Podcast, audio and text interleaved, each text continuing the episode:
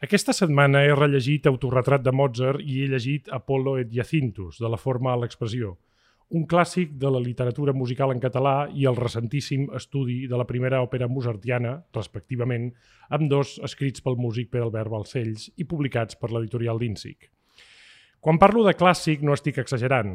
Durant molts anys, Autorretrat de Mozart ha estat la porta d'entrada per molts melòmens, musicòlegs i musicòsofs del país a l'obra de Wolfgang Mozart, un llibre deliciós i revolucionari en què Balcells fa honor al títol del seu llibre i realitza una minuciosa escultura de l'antropologia i de l'estètica mozartiana a través de la seva monumental correspondència.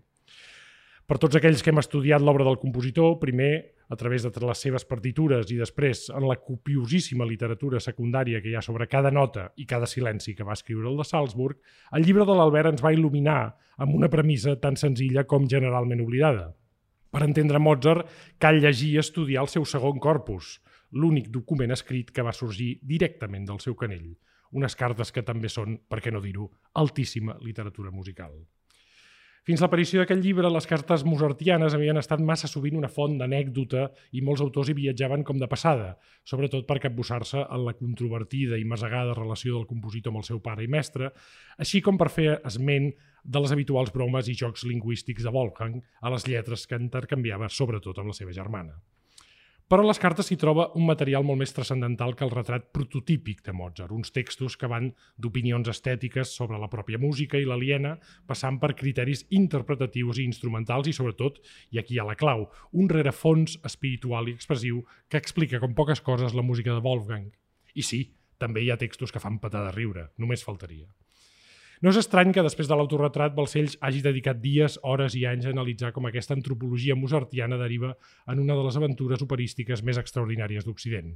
Primer a la trilogia de Ponte, després a la flauta màgica i ara, sorprenentment, en un llibre deliciós, com us deia, dedicat a la primera òpera que Mozart va escriure als 11 anys, a la primavera del 1767 per encàrrec de la Universitat de Salzburg.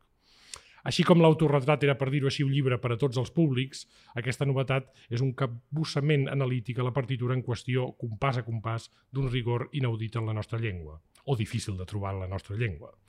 Però que ningú no s'esveri, el que fa que aplaudim aquest llibre amb mans i orelles no és només la seva sagacitat a l'anàlisi, a saber, en comprovar com un compositor ja maduríssim fa explotar i utilitza amb total llibertat les formes heretades de l'òpera barroca, sinó sobretot com Mozart sempre adapta la partitura, és a dir, la forma, a una voluntat expressiva que té una claríssima intenció i mai no és fruit de l'atzar.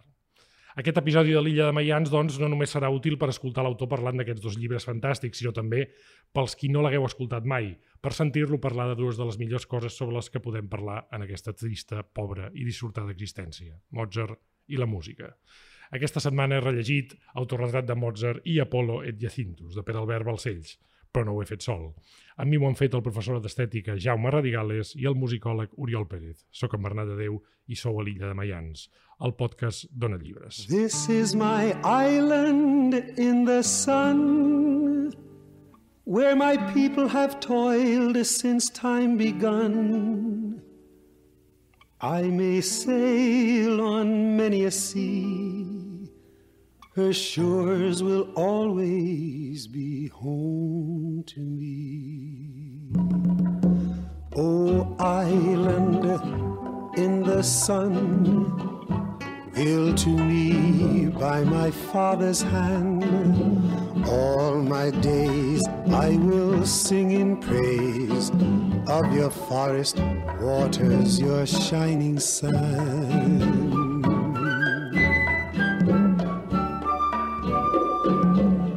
Professor Radicales. Bon dia, bona tarda, bona Com nit. anem? Oriol Pérez, Bon, bona benvingut a trobada. l'illa i amb nosaltres ens fa moltíssima il·lusió comptar, jo puc dir-ho perquè a més a més hi ha confiança i ens coneixem de molts anys, amb el cònsul de Mozart a Barcelona. Albert, benvingut a l'illa de Mayans. Bueno, doncs jo sóc jo que estic molt agraït per la teva invitació. I... No sé si puc anomenar-te cònsul o ambaixador, com que no tenim estat hauries de ser cònsul.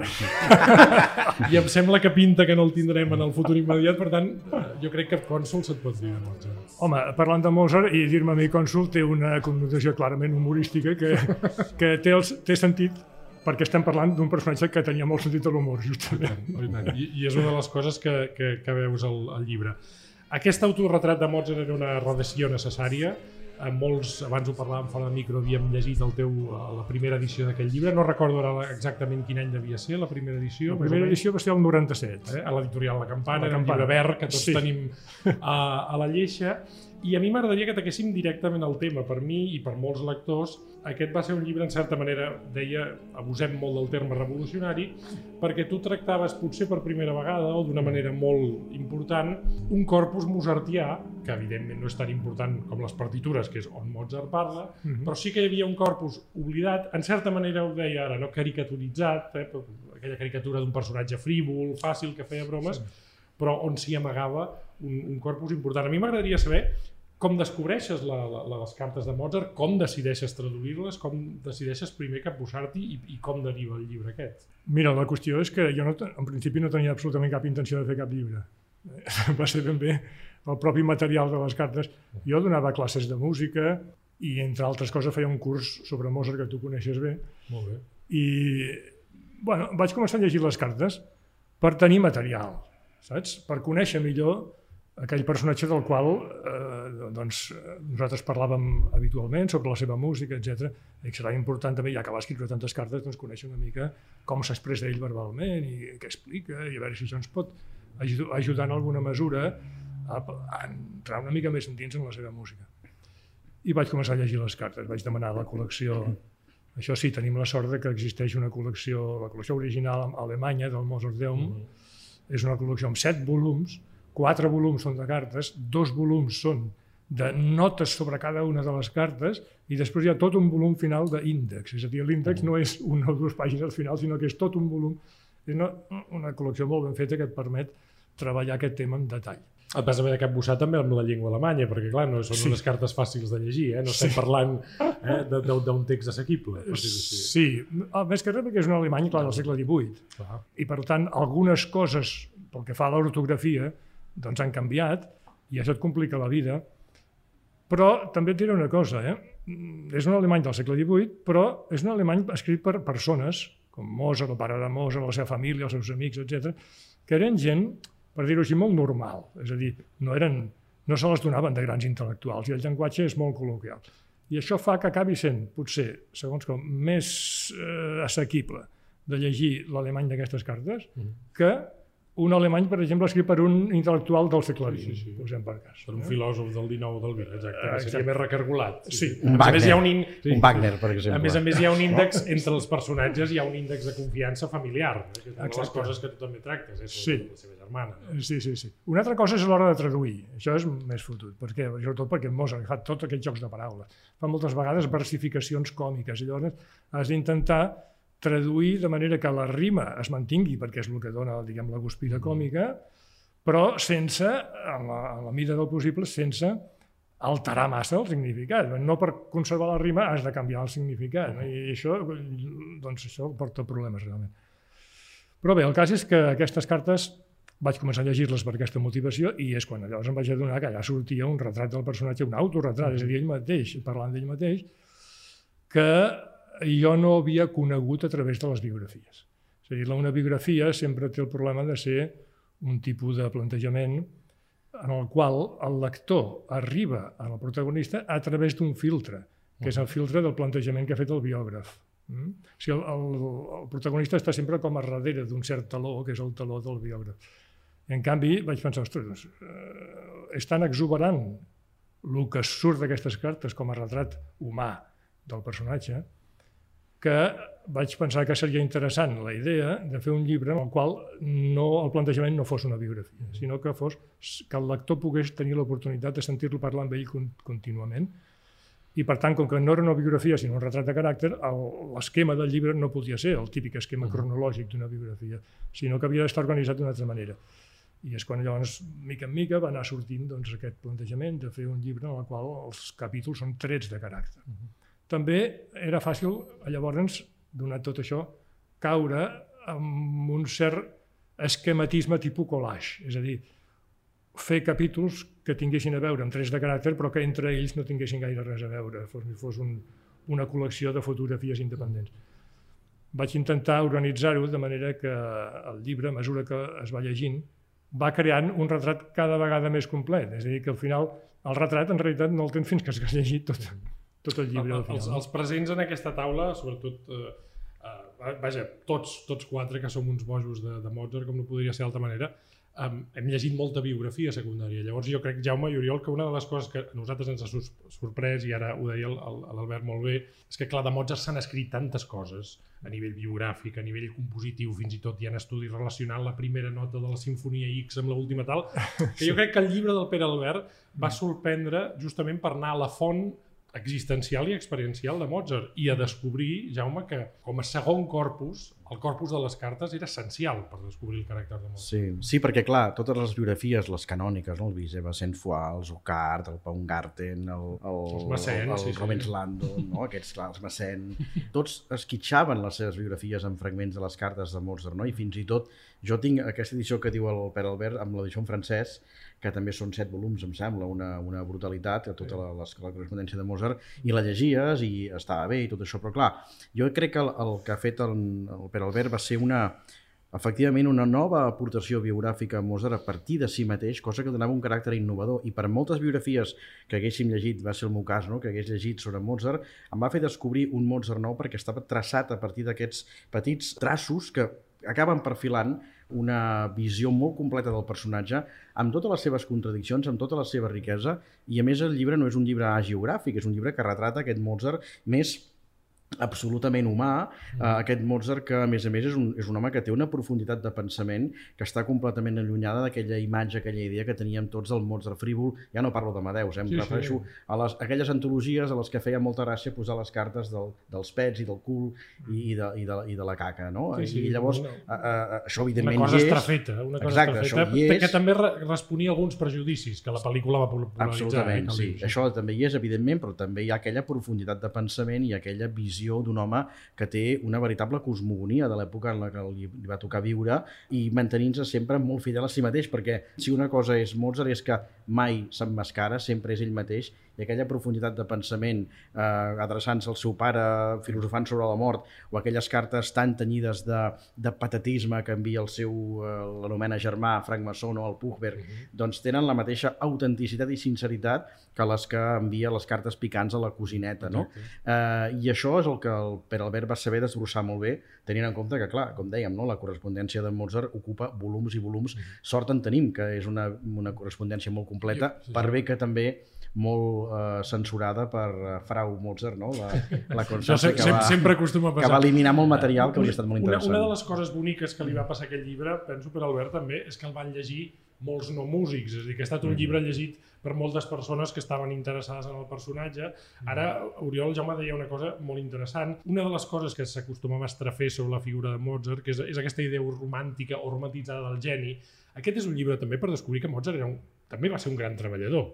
És a dir, Mozart és una persona que pràcticament abans de l'edat adulta ja ha viatjat per mitja Europa, ha conegut pràcticament totes les corts d'Europa, ha estat als centres musicals i després, diguem-ho, perquè això és un tema que haurem de tocar, té la sort que el seu pare és, diguem-ho clar, un dels millors professors d'Europa de música. Eh? Recordem-ho. Per tant, totes, totes aquestes coses són coses que van sortint en aquest llibre. No? Jo, a mesura que va passant el temps, cada dia sé menys que és Mozart, però sí que hi ha una paraula que em sembla que ho definiria, que és un enigma.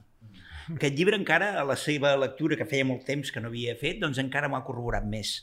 Perquè en el fons és un enigma ja des del traçat psicològic que deia molt bé el Pere Albert Balcells, de- d'aquest mm, retrat de caràcter, és un personatge que parteix de ser un nen prodigi, amb tot lo bo i dolent i pejoratiu que té la qüestió, arribar a una persona que arriba cap a, al final, que està a les portes del romanticisme i que hi ha fins i tot doncs, algun moment. És a dir, per entendre'ns, des d'aquest Apollo Chiacintos que haurem de parlar, Mhm. fins als concerts 23, 24, eh, obres que ja estan anunciant tota una nova formulació del llenguatge I musical. per, la per no parlar de les últimes sinfonies que Sí, entren i, directament. i la descoberta de Bach, que també és essencial al final. Però de això va, això va tenir molt a veure, com te saps molt bé, doncs, el, el conte... Van Swieten. Sí, Van Swieten. bueno, no el comte, però Van Swieten. bueno, Estava pensant en el comte Balsec, ara, perdoneu, eh? Sí, sí, un perso- Però un Van personatge Swieten, que tam nascut també... un 29 Sí, d'octubre. sí, també requeriria una biografia. Bueno, segur que n'hi ha Sí, sí. moltes, però Sí. també requeriria un estudi perquè, perquè realment un dels Mm. primers arxivadors musicals i una persona fonamental. Ara parlava l'Oriol de, de l'enigma mozartià, no? Mm. Evidentment sorprèn la prolixitat d'un compositor i la generalitat del compositor que encara sorprèn, però tu quin diries quin és el principal tret del, del, del caràcter mozartià, d'aquest caràcter que encara, que, que encara ens en sembla, ens sembla enigmàtic, per dir-ho així. el que fa que ell sigui una persona que hagi tingut tanta transcendència en la cultura en general de nostra, occidental i mundial. És eh, com a éssers humans, vull dir nosaltres. Eh? El que ens ha dit com a éssers humans és que és una persona que no va permetre que això que en diem maduració humana el desconnectés del seu món ideal primordial originari que és la font de la qual surt la seva música. La seva música és com un, un viatge a una altra dimensió. El seu pare, justament ara que parlaves d'ell, va maldar tota la seva vida per baixar-lo, sí, estirar-lo d'aquesta corda i baixar-lo a la realitat del món i fer que, que, que adoptés aquesta realitat i que, i que actués en, en funció d'ella. En aquest aspecte, justament duia un fragment d'una carta que Ah. va molt en aquesta línia, que li diu al seu pare, diu, t'ho demano, atenta a Déu, ell ho ha de fer, perquè els homes són tots dolents. Com més gran et facis, com més tracte vagis tenint amb les persones, més aniràs fent l'experiència d'aquesta trista veritat. Pensa només en totes les promeses, les suculentes propostes i cent circumstàncies que hem viscut i conclou tu mateix si l'ajuda del pròxim és una base sobre la qual es pugui edificar alguna cosa. Perquè al final, ràpidament, tothom té una excusa o se l'inventa per carregar a un tercer les culpes de no poder portar a terme les pròpies bones intencions. És això. Clar, i en el fons jo sempre he pensat de que era aquesta font primogènita, jo crec que és la infantesa. Sí. I, Sí. i la infantesa que mai deixa absolutament de perdre aquesta innocència, no? Sí. Que després, Però, possiblement... Eh, sí, no, no, no està, penso que és importantíssim això que has dit, complementant-ho amb el que apareix cap al final de tot el que és els capítols que fan referència al retrat humà abans de l'últim, uh -huh. que és, es tracta més de les idees estètiques. Uh -huh. Que és aquesta reflexió de que aquest germen originari, que és essencialment infantil, amb ell s'identificava, com per l'altra banda, amb l'essència de la màxima maduresa. Quan li diu al seu pare, per exemple, diu, la felicitat persisteix mm. únicament en la imaginació. Oh, tant, això és, això és una de les frases que a mi, que a mi m'entusiasma més d'aquest. d'aquest- Perquè hi ha, un, hi ha una, un detall que és important, perquè ara l'Oriol deia una cosa interessant que ha servit també per caricaturitzar molt la figura de Mozart, que quan es diu allò de no és que sempre va, un, va ser un nen, tu ho has dit molt bé, però Albert, no, no, ell va mantenir alguns valors que associem a la infantesa i que a vegades escarnim i els va convertir a través de la seva música en valors absoluts extraordinaris. És a dir, no va deixar que la maduresa el convertís en una mala persona, en un avar, perquè clar, eh, moltes de les coses que ell creia de jove les transmet en el seu llegat operístic, eh? Ah. una certa harmonia de classes. Una de les coses que sorprèn, per exemple, que hi ha molts estudiosos que ara els, eh, els sobta, és que Mozart no parla gaire del món circundant. És a dir, ell viu coses històriques importantíssimes. Importantíssima, sí, sí. Mozart és un paio, diguem-ho així, una mica col·loquialment, que, que va a la seva. És a dir, ell té una feina creativa Sí. i, i, i aquest és, aquesta és la seva Bueno, missió. potser la mort de Sí. Voltaire, que sí que li diu al seu pare, que ha rebentat com un gos, em sembla Sí, que li però diu. bueno, això s'ha de llegir en funció de, Ah, exacte, també. de que allò va dirigit al seu pare. Va, sí, perquè era el Coloredo que, que admirava Voltaire, no? I llavors va ser com una Sí. sí. mena de... Va ser una crítica encoberta Exacte. al seu No, no, però- Però, però en realitat sobta això, per exemple, ell mai parla de, de moviments revolucionaris, ell mai parla, tot i que viatja molt per Europa, ell, Mozart, la, la seva primera prioritat sempre és la creació, sempre és sortir-se'n endavant, sempre és fer el, el, el que ell vol, per dir-ho així, i traduir-ho la música que ell vol. És curiós perquè realment, com tu dius, ell va viure una època d'enormes eh, esdeveniments històrics molt importants, com la Revolució Francesa, Ah. I, i a més ell era maçó, que ja sabem la implicació de tot el moviment maçònic en, eh, en la Revolució, etc etc. T'esperaries, com algun autor, abans citaves tu alguns d'aquests autors com el Massenc, per exemple, ells donen una imatge de Mozart eh, com un intel·lectual, com una persona totalment ficada en els corrents de pensament de l'època, i, eh, etc etc. Sobretot els francesos. Això eh? t'anava a dir, són francesos. És aquella cosa tan francesa de dir Mozart era pràcticament francès, Exacte. tot i que va néixer a Salzburg. Això és molt típic dels biògrafs francesos. Només tenia un fallo, no va néixer, no va néixer a París. Quasi, quasi és això. Sí, sí, però el fan, el fan un protorevolucionari, per Sí, així, un sí, sí. intel·lectual. Sí, Un intel·lectual, completament, sí. Jo, a veure, jo penso que és una visió que està fora de lloc, per què? Justament perquè si un llegeix, com deies tu l'únic document verbal que ens ha arribat a la seva mà, que és tot el corpus de cartes, la imatge que en treus no és aquesta, ni molt menys. A veure, la, la, quan ell parla amb alguns eh, germans maçons, ah, no parla de res, ni de política, ni de, parla de qüestions o, o de bromes, eh? o per divertir-se, o de consells personals de cara, no sé, al matrimoni, i una sèrie de consells que donen, entendre també que ell era una persona que dins de la seva aparença d'estar sempre saltant entre extrems, era una persona perfectament equilibrada, perfectament eh, Adulta en el, en el millor sentit de la paraula. Sí, sí, sí, Sí. exactament. Adulta en el millor Sí, sentit sí. de la Mira, paraula. ara recordo una carta que diu, li donen una, una oda per escriure música, no? I, i ell li diu al seu pare, diu, l'oda, sí, està molt bé, és molt és sublim, tot el que vulgueu, diu, però és massa inflada per les meves fines orelles. I, I llavors diu, fa aquesta reflexió, diu, eh, al punt mig, coma, la veritat en totes les coses, coma, no és coneguda ni apreciada avui dia. Diu, avui dia, per, per tenir èxit, un ha d'escriure coses tan fàcils que un xofer de lloguer les pugui xiular tot seguit. Diu, o tan difícils que justament perquè cap persona raonable pot entendre-les, justament per això agraden. Entre la xabacaneria i l'esnovisme. I diu, no és coneguda avui dia, diu, però el pobre no sabia que això encara estem igual després de 200 És anys. De fet, ara que citàveu la maçoneria, jo crec que Mozart i s'expressa en en això que tu deies en el, en el col·loquialisme amb el qual parla amb certs germans seus masons, eh, a la maçoneria sobretot hi troba un refugi. Mo- Mozart sempre va buscar un, un cert refugi intel·lectual també, però sobretot un refugi humà. És a dir, dins de les Ah, exactament, mozartianes, i això ens portarà a parlar de l'Apolo i ens portarà a parlar dels, dels, dels altres llibres, sempre hi ha conclusions que van més enllà de la intel·lectualitat, d'harmonia humana i, de, i, de, totalment. i de companyonia humana al final de les nostres de Figaro és claríssim en aquest sentit. No? totalment, totalment. O sigui, ara parlàvem dels capítols que té el llibre i de l'ordre en què estan, etc. Doncs, després del primer capítol, que és el sentit de l'humor, hi han tres capítols dedicats a una qüestió fonamental per entendre el personatge, que és la afectivitat, en va, la necessitat d'afecte en, tots les, en totes les seves dimensions.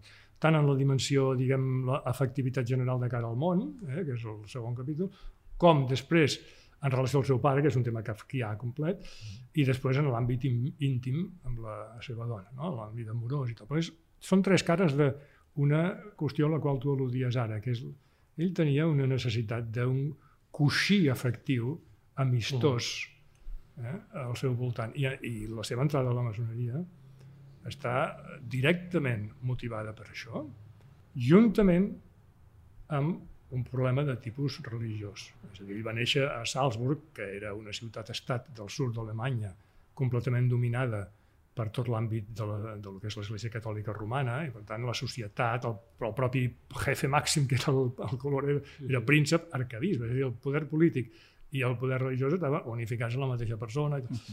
I ell, per tant, es va identificar sempre amb la creença re- cristiana, Tot, tot i que també un bisbe molt curiós, perquè és un, un bisbe polteritzat, és un bisbe Sí. il·lustrat, eh? és a dir, la figura de sí, Colorado sí, és sí. molt interessant. Sí, També. sí, sí. Passant al cantó de l'òpera, perquè hem parlat una mica del caràcter mozartià, que evidentment no ens, no ens l'acabarem, digues, digues. Però no, que volia acabar el raonament. Ell va néixer dins aquest àmbit catòlic, però justament aquesta creença en aquest Déu, que durant tota la infància va ser un Déu que li va resultar benigne i lluminós, Sí. eh? es va anar enfosquint a la- a l'adolescència i sobretot la, Coloredo com a re- representant de la jerarquia eclesiàstica que era la representant d'aquest Déu a la Terra li va anar enfosquint la imatge de, de la divinitat i ell això no, no, ho, podia, no ho podia assimilar on, què va fer? Buscar la manera de fer reneixer a, a, aquell Déu benigne de la infància en algun lloc o altre, i el va trobar a la maçoneria. Però sobretot fa una cosa molt interessant i que a mi això és de, de les coses que em fa eh, ara farem una mica de, de, de safreig musical que ens agrada als opereros, eh, o als operistes. Jo per això sóc me, molt més mozartià que wagnerià, ho fa a través de les febleses humanes. És a dir, els personatges de Mozart, al final, i per això jo crec que les, afortunadament la vida és més mozartiana que wagneriana, Sí. al final és de gent que té... Eh, hi hi ha unes, unes idees que sobrevolen les òperes que són idees d'harmonia universal, però els problemes que hi trobem, en general, són els problemes pels quals donem, és a dir, no, no donem per més.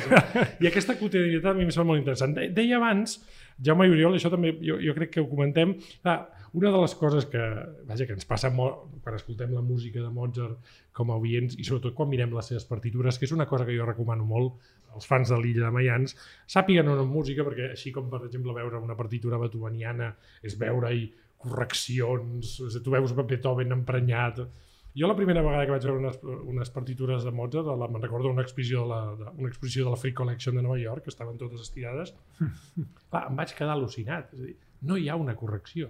És una cosa absolutament bestial, és a dir, hi ha una pulcritud eh, tremenda. Però Aquí, justament per això, eh, i i justament com que, que, que hi ha aquesta pulcritud que respon a una excel·lència musical extraordinària, sempre et preguntes com ho feia, no? Com ho feia? Perquè sempre hi ha la teoria del geni, però a mi aquesta cosa del geni no m'agrada gaire, perquè Mozart va estudiar música, es va empapar d'una ciutat que musicalment era molt interessant, va tenir un professor privilegiadíssim perquè el seu pare havia escrit segurament el que és el tractat de violí més important de l'Europa del seu temps. Sí. Llavors, eh, penses una mica, com feia aquestes òperes? Aquí, eh, clar, nosaltres no tenim les cartes, per exemple, o no tenim les cartes que es va fer amb De Ponte, perquè mentre es va fer la trilogia de Ponte, els dos eren a la mateixa ciutat. Si hi haguessin hagut cartes, suposo que el Jaume i jo ens haguessin venut l'escàs patrimoni que tenim per haver-les tingut. Jo, jo donaria potser dos braços perquè dues situacions que m'agradaria viure, que és, en primer lloc, ara fora d'aquest tema de Mozart, eh, una conversa entre el Pla i en Dalí, això per una banda, un braç. Això hagués estat interessant. A L'altre l'Ateneu. braç- I a més a més a l'Ateneu. L'altre braç, la trobada entre De Ponte, Casanova Sí, i Mozart a Praga, Praga, a l'entorn de Don Giovanni. Però una de les coses que aquí comences a veure, sobretot quan es parla del rapte amb el Serrall, si no recordo malament, és com Mozart concep el món de l'òpera, que és un món que impregna tota la seva música. Una de les coses que veiem als seminaris que citaves abans de sobre Mozart és que mentre Mozart fa una sonata, està fent personatges d'òpera. Mentre a Mozart, l'òpera, per dir-ho així, se li escapa pels poros de la pell. Per, per resumir una mica, Albert, com trama ell a través de les seves cartes la manera en què s'aproxima al llenguatge operístic? Aquest és un dels temes que hem de deplorar més en el sentit de que no té cap interès especial en parlar de Com fa? com ho fa, de, Que li surt de, també. O sigui, ell, ell és un músic, diguem, cromosomàtic, i per tant la música li va sortint pels poros de la pell, com deies tu, i no, no troba gaire interessant dedicar-se a, a, a fer una mena d'assaig de tipus intel·lectual sobre el procés creatiu. No, això no, no ho fa. Ara, com que hi ha tantes cartes, doncs, a base de, de comentaris esporàdics que va fent aquí i allà, perquè ha anat a un concert i ha sentit un pianista i li diu al seu pare el que li ha semblat, o perquè sent una missa d'un compositor i li diu què li ha semblat la composició d'aquesta missa, etc. A base de recollir totes aquestes cites, acabes fent un, doncs, eh, un conjunt de, de documentació prou interessant que, i amb això es basa l'últim capítol del llibre, no? és recollir totes aquestes cites i intentar ordenar-les per poder donar una idea de quina era la seva sensibilitat estètica les seves intencions estètiques. Ara, pel que, feia, pel que deies tu, de que no s'hi veuen correccions en les seves partitures, en aquest últim capítol comença amb una carta en què algú li ha preguntat això. Com t'ho fas tu per tal, tal? I llavors ell fa una resposta que acaba d'una forma bufonesca, com és propi d'ell, però que diu una cosa realment imponent, impressionant, eh? i que explica eh, per què no hi ha correccions. Que és que ell va elaborant l'obra al seu cap, eh? De fet, a vegades ho diu, tinc l'acte de qual òpera al cap. Sí, un acte sencer. Sí. Un acte sencer. Ja la primera cosa sorprenent d'aquesta explicació és que diu, ho vaig, ho vaig fent al cap, diu, i com més gran es va fent l'obra, més clara la veig. Això ja és sorprenent, perquè en general, com més llarg es fa, doncs més elements hi ha, més confós, més... Diu, com més llarg, més clau. Diu, llavors arriba un moment en què tinc tota l'obra al cap i la veig amb un insol instant, com si fos un quadre o una vella figura A mi humana. la música eh? se m'afigura com un vell i del somni, dirà el primer biògraf de Mozart, precisament. Eh, Fins i tot a vegades s'ha- dit algun biògraf que ell el que li feia mandra era escriure-la, perquè ell la veia tan... Ell, ell el veia sí, sí. tan clarament Però, que posar-se sí, nota a nota era una, era una molèstia. Sí, Per dir, clar. però arriba a especificar i diu i, i la sento en l'esperit, no de manera que les coses vagin venint una darrere l'altra, com després ha de ser, és a dir, quan sentim les, les música que ve una nota darrere l'altra, sinó en un instant tota la vegada. És a dir, un art que és essencialment temporal, com és la música que passa en el temps, ell la veia com fora del temps. I llavors, després d'això, diu, clar, quan em poso a escriure, llavors mm, dic, és com, com si copiés. Sí, sí, clar. O sigui, el seu manuscrit és la còpia amb net, ja, de, perquè, no, Exacte, exacte. perquè ell va copiant la imatge que té en el cap i per tant diu em puc deixar distreure i puc parlar sobre gallines i oques diu, mentre, mentre vaig escrivint perquè tot, tot i estar en el cap vaig copiar s'ha de dir que hi ha una altra carta també que diu una cosa en la seva germana que confirma això i ho agreuja és a dir, una carta que li, li envia un preludi i una fuga i la fuga està primer i el preludi després i ell s'excusa i dius, clar, el preludi va primer no? i després la fuga diu, però estan escrits així perquè jo havia fet el preludi o sigui, ell té una de les dues en el cap ja, eh? i mentre la va escrivint Va pensar en l'altre. Va pensar en l'altre. va ideant l'altra Clar, clar. Eh? és a dir, que mentre s'escriu una obra, no Quina tan sols pot animalada. parlar sobre gallines i oques, sinó que pot anar elaborant simultàniament. Com, com si tingués obra. diversos, diversos cervells. Sí, exacte. El, el, el De, micro, de, el de micro. tota manera, eh, això que diu el, el Pere és extraordinari, però es, es veu també la, la recerca i la voluntat d'arribar a la síntesi d'allò que ell vol expressar en les dues òperes de les quals sí que hi ha per entendre'ns una mica el making of, que són El rat del Serrall i Idomeneo, eh, i, i el cas més emblemàtic és aquell passatge de la veu de l'oracle de l'Idomeneo, que hi ha no sé quantes versions, i ell diu "No, és que hem d'anar a la síntesi. Ell, ell és capaç de sacrificar la seva pròpia música en benefici de la credibilitat, de la teatralitat i de la, la, la síntesi d'allò que ell vol expressar, no? sacrificant la pròpia música. I en aquest sentit hi ha un veritable devassall d'idees estètiques en el que és això, no? la concepció d'aquella obra, en aquest cas l'Idomeneo, però també en el Rat del Serall, el que diu no? la música sempre ha de ser música, per molt que expressi els sentiments més abjectes, no? ha, de, ha de seguir sent música. Sí. I ha d'agradar l'oïda, diu. Sempre... Mm -hmm. El rap del Serrall, aquesta carta que dius, és molt especial perquè és l'únic cas en tota la seva, eh, tota la seva correspondència que ell parla de com fa una obra seva sense necessitat que ningú li hagi preguntat. Mm. Perquè tota la correspondència que tenim respecte a Idomeneo, mm. que és interessantíssima, es deu a una circumstància biogràfica, que ell estava a Múnich mm. i, el, i el llibretista estava a Salzburg i s'havia d'entendre per carta. Sí. No? Tant de bo de Ponte hagués estat, Per això- hagués això- estat a Praga o a algun altre lloc. Això sí que, això sí que ens hagués fet Bueno, molta il·lusió. Però... Això per nosaltres va ser la més mala broma Sí, sí, sí. que, que no calgués que s'entenguessin per carta i no ens ha arribat res ja Exacte. llavors. No? Però, en canvi, el rap del Serrall, mira, de sobte aquell dia se li va acudir llançar-se, explicar-li al seu pare tota una sèrie de qüestions relacionades amb la seva motivació estètica a l'hora de fer, de fer un, en aquest cas, una àrea, que és l'àrea d'Osmin, la primera àrea d'Osmin del rap del Serrall. Uh -huh.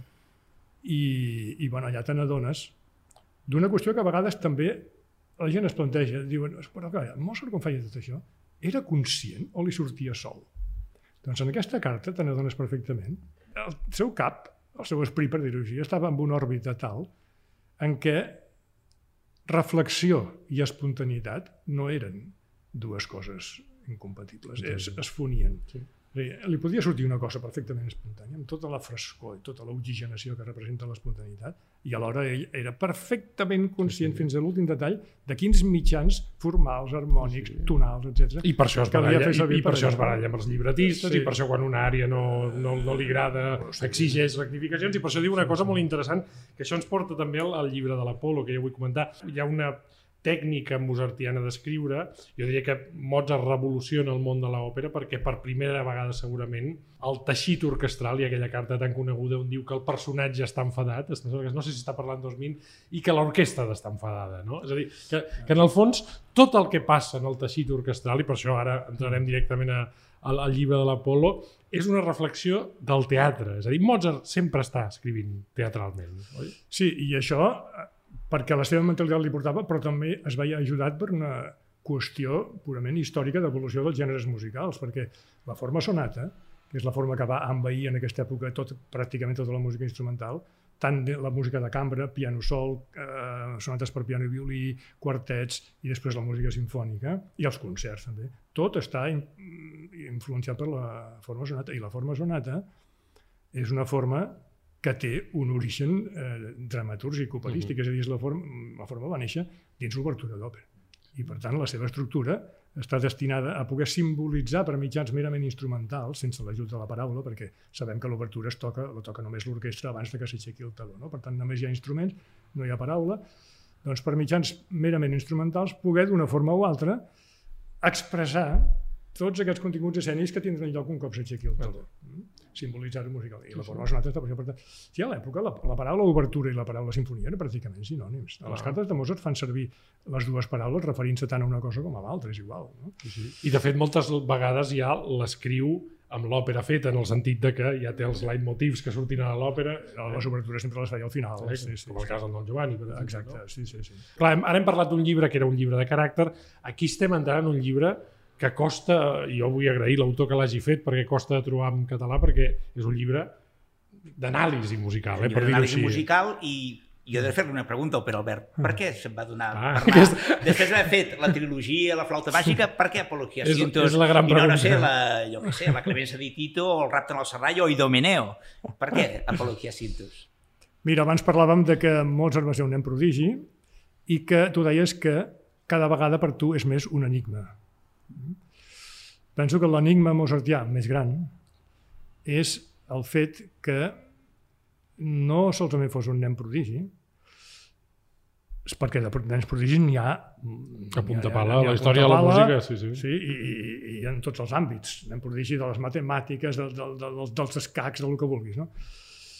Sinó el fet de que ell, a través de la música, era capaç de transmetre uns continguts expressius d'una profunditat que requeria una experiència humana que és impossible d'explicar que ell tingués aquella edat.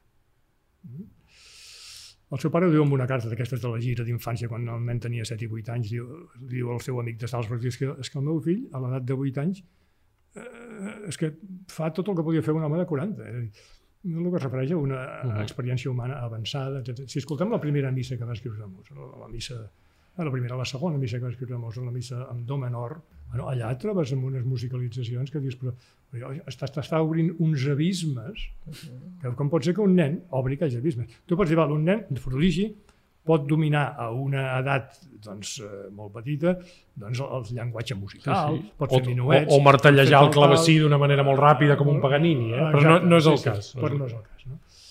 Aleshores, això per respondre al que em preguntaves. No, no, per, jo, què, per per, exemple, per què també, aquesta òpera? La, el segon moviment de la primera sinfonia, amb do menor, Sí, és també una altra cosa que dius aquest abisme, no? dius, com, com pot exacte, ser, sí, d'on sí. sorgeix, no? Per això t'he fet la pregunta, Sí. sí. hi ha una mica... doncs mira, aquest moviment que diu justament té el tema de l'última sinfonia de la Júpiter, Exacte. del, a l'últim temps de la Júpiter. Allò que dèiem del cicle que es tanca. Eh? Bé, doncs eh, vaig triar aquesta òpera perquè, clar, Mozart té eh, ja se, se sap que va ser una persona molt relacionada amb el gènere operístic que va fer òperes que han tingut tota la transcendència que han tingut al llarg de la història de l'òpera i de la música. Però, en canvi, totes les òperes que va fer abans de les òperes de Viena són molt, molt poc conegudes uh -huh. i realment, per raons que ara seria una mica massa llarg explicar, doncs, eh, bastant, algunes d'elles doncs, tenen una sèrie de característiques que estan més lligades amb els costums del, estilístics de l'òpera sèria de l'època que no pas amb l'altura dramatúrgica que ell va demostrar després. Ara, les seves tres primeres òperes, que són l'Apolo, Bastià i Bastiana i la Finta Semplice, eh? Que encara no estaven influïdes per aquesta necessitat de satisfer un públic com va venir després a l'època de, de les grans òperes sèries de Milà, com són el Mitridate, l'Uccesilo, sí, sí. etc. Són unes òperes en què el seu geni està en un estat, diguem, en un estat cru. És dir, no, encara no, no influenciat Sí. sí. per... I sobretot per una cosa, una cosa important que dius, no, exteriors. no hi ha un diàleg amb el públic, públic que després té. Ell és molt conscient quan agrada Sí. una cosa a França o Ah, exacte. agrada una cosa a Itàlia o Sí, quan sí, ha sí, d'adaptar sí, el sí. seu llenguatge al públic. Eh? Exactament. Jo em quedo asturat quan llegeixo els biògrafs parlant d'aquesta òpera. És que quasi té tots, sense, i els grans biògrafs, eh? Fins que biògrafs molt importants i molt vàlids i que han tingut grans intuïcions a l'hora d'explicar Mozart i que, i que estan molt bé. Però gairebé tots cauen a, a, no sé, una mena de trampa tan fàcil com dir que bueno, és la primera òpera sí, de Mozart. Com si fos un entremès eh, qualsevol. Sí, sí, sí. Eh, va, és una cosa que no... Un primer assaig, però esclar, no, no, no, no té cap importància des del punt de vista dramatúrgic ni res. És una òpera que cada frase que té té una genialitat dramatúrgica, justament, i l'anàlisi formal que es fa en llibre, per això el llibre es diu de la forma a l'expressió. Uh -huh. Tot el plantejament del llibre és intentar donar a entendre una cosa que, a part de Mozart, també és molt establerta, no només al nostre país, sinó en general, a la nostra cultura occidental, que és que l'anàlisi musical es concep com una disciplina que constitueix una, una finalitat en ella mateix. I eh, llavors no, no hi ha un lligam entre l'anàlisi formal i la intenció expressiva que hi ha. O sigui, el plantejament del llibre és dir, a veure, el compositor és una persona que té uns continguts expressius al cap, que li venen d'on li vinguin, però té uns continguts expressius, i els plasma amb una partitura. O sigui, la partitura és com una pantalla en la qual ell, una pantalla formal, a la qual ell, plasma els continguts expressius. I nosaltres estem a l'altra banda d'aquesta pantalla. I per arribar a aquests continguts expressius hem de passar per la pantalla de la partitura. Per tant, analitzar la partitura formalment només tindrà sentit si ho fem amb el criteri de que aquell anàlisi sigui no una finalitat, sinó una porta a través de la qual puguem accedir I, als i, i, continguts això, I això és el que fas, eh? aclarim el lector per sí. si s'hi acosta, perquè eh, jo recomano primer escoltar l'òpera, per, per una mica Sí. orientar-se, però després fer-ho, i a més a més jo crec que el, el llibre té un format que tu facilites que es vagi escoltant mentre, mentre Sí. es va llegint. No? Exacte, Aquesta és la sí. teva intenció, compàs a compàs, Sí. eh? anar comentant-ho, per Sí, dir-ho sí. així. Hi ha hagut una dificultat a l'hora de plasmar en una forma de llibre un planteig com aquest, que és que moltes vegades el llibre es basa en un, diguem, en un procediment d'anàlisi que consisteix en intentar veure quina era la frase musical, que, que en, en el llibre se'n se diu la frase musical implícita, uh -huh. que hi ha darrere de la frase que Mozart va acabar posant a la partitura. Mm? És a dir, moltes vegades el compositor, a partir d'una frase musical que hauria de correspondre als esquemes mètrics de la poesia en la qual està basada, doncs resulta que l'esquema mètric que hauria de tenir en funció del vers no és tal, sinó que el compositor fa una, acaba fer, posant una frase musical que té una altra dimensió que té en quant a durada, vull dir, eh? en comptes de quatre compassos, per exemple, en té 8 o en té 10 o en té els que sigui. Aleshores, el que és interessant és veure, intentar treure de tot això que el compositor ha posat de més, intentar eh, identificar-ho, treure-ho i quedar-nos amb la que hauria d'haver estat la frase original motivada per l'esquema del vers.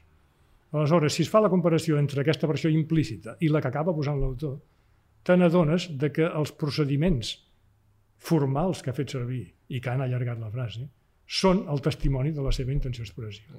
I a més a més una cosa que jo crec que Jaume Oriol, per, per anar acabant, que se'ns tira el temps a sobre, que, que demostra aquest llibre, i per això jo crec que és interessant que, que es faci una aproximació a la primera òpera mozartiana, i és que veus que realment les formes heretades del barroc a Mozart, per dir-ho així, les, ja no li serveixen. És a dir, ja, ja l'anàlisi del, del, de l'Albert és tan minuciós que te n'adones que Mozart el que està és, per dir-ho així, agafant una estructura com la de l'àrea de Capo, per exemple, que ja estava, sí. i literalment esventrar-la, sí. però sempre molt subtilment. Allò que deies del punt mig, eh? no és un destructor, sí, sí, però sí. sempre hi ha un detall que dius, eh, aquí ha allargat la frase, aquí, busca, aquí ja sí. està fent un desenvolupament que ja no és només una repetició, aquí ja és una altra cosa. Però sí. suposo perquè ho havia provat anteriorment amb el Bishu de Kaiders Zengebots, sí. que és tot i que no és ben bé una òpera, però bueno, ja sí. hi ha alguna cosa i ja va veure que allò ja estava caduc. Sí, sí, I no, no, sí, sí. i a mi absolutament m'has posat doncs, a donar-me en compte del que deies, de que uh -huh. aquest enigma del Mozart nen, doncs bé, i realment és una, una anàlisi, com tu deies, que no es queda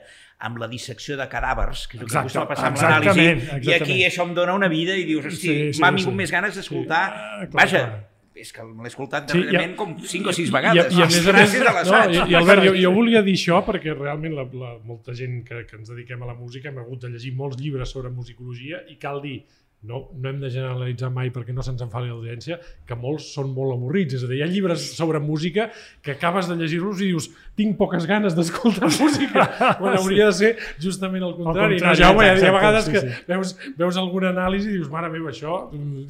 Sí.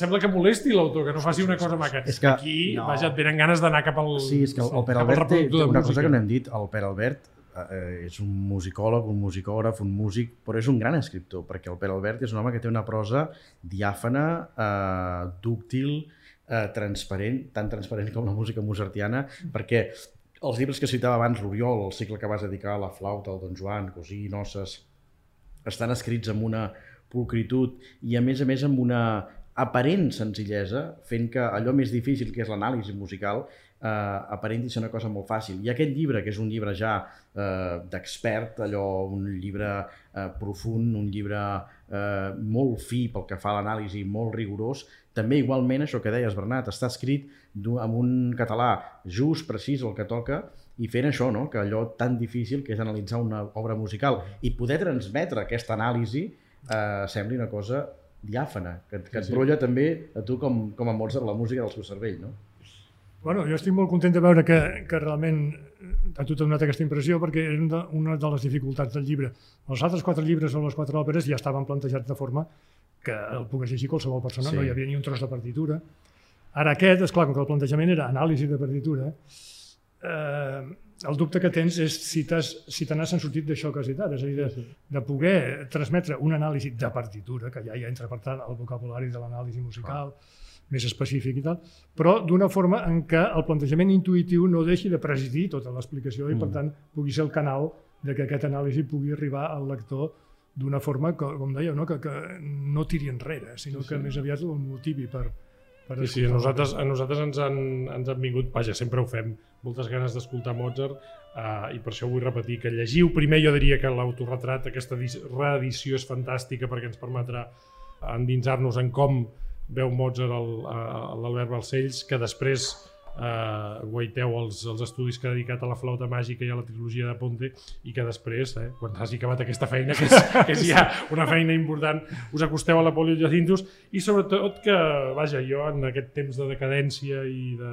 i sovint de depressió i sovint d'avorriment, crec que Mozart ens dona una lliçó de les moltes que has dit i és que al final l'entusiasme funciona i que l'alegria funciona. A mi és una de les lliçons que m'ha donat Mozart. A mi, No, sí, sí. que no vol dir naïvetat, eh? no, vol dir, no vol dir que ho veiem tot de color de roses, sinó que al final uh, die Schönheit und Weisheit, que diu al final de la flauta màgica, la bellesa i la saviesa costa una mica, però al final triomfen. A vegades sembla que, co que costi massa, Sí, sí. però jo crec que al final sempre se n'acaben en sortint. I tu te n'has en sortit, Albert, i jo estic molt content que ens hagis visitat a, a l'illa de Mayans. I vaja, no paris perquè tens encara... Eh, tens feina i suposo que tens, tens ganes de fer-la. No sé si estàs treballant ja en un altre llibre, si es pot dir. No, no bueno, de, un altre llibre de Mozart de moment no, ja veurem què vindrà després. Ara estic, necessitava que, que el cap treballés amb un altre tipus de- d'activitat mental. Ja estic fent una traducció, Això de la primera biografia de Bach, de Forkel. Que tenim la versió aquella castellana antiga de... Sí, és una traducció Cultura aquella. Molt carregosa. Molt eh? carregada. Les traduccions ja tampoc, tampoc ens ha ajudat. El- Els llibres de musicologia, entre el to de l'autor i la traducció... No han tingut sort en aquest país les No, traduccions. no, ni S'ha sort ni molt pietat, compte, perquè... perquè Biògraf molt interessant, d'altra banda. Sí, sí, sí. sí. Doncs escolta, quan s'editi, no sé si podem dir l'editorial, però bueno, no ho diem per, per mantenir la incògnita, quan s'editi en parlarem perquè... Quin altre? Quin altre, quin altre Quin més? altre? I Doncs tant, uh, uh, Oriol, Jaume, moltes gràcies, i Albert, ja saps això, a casa teva. Gràcies. Doncs moltes gràcies a tu.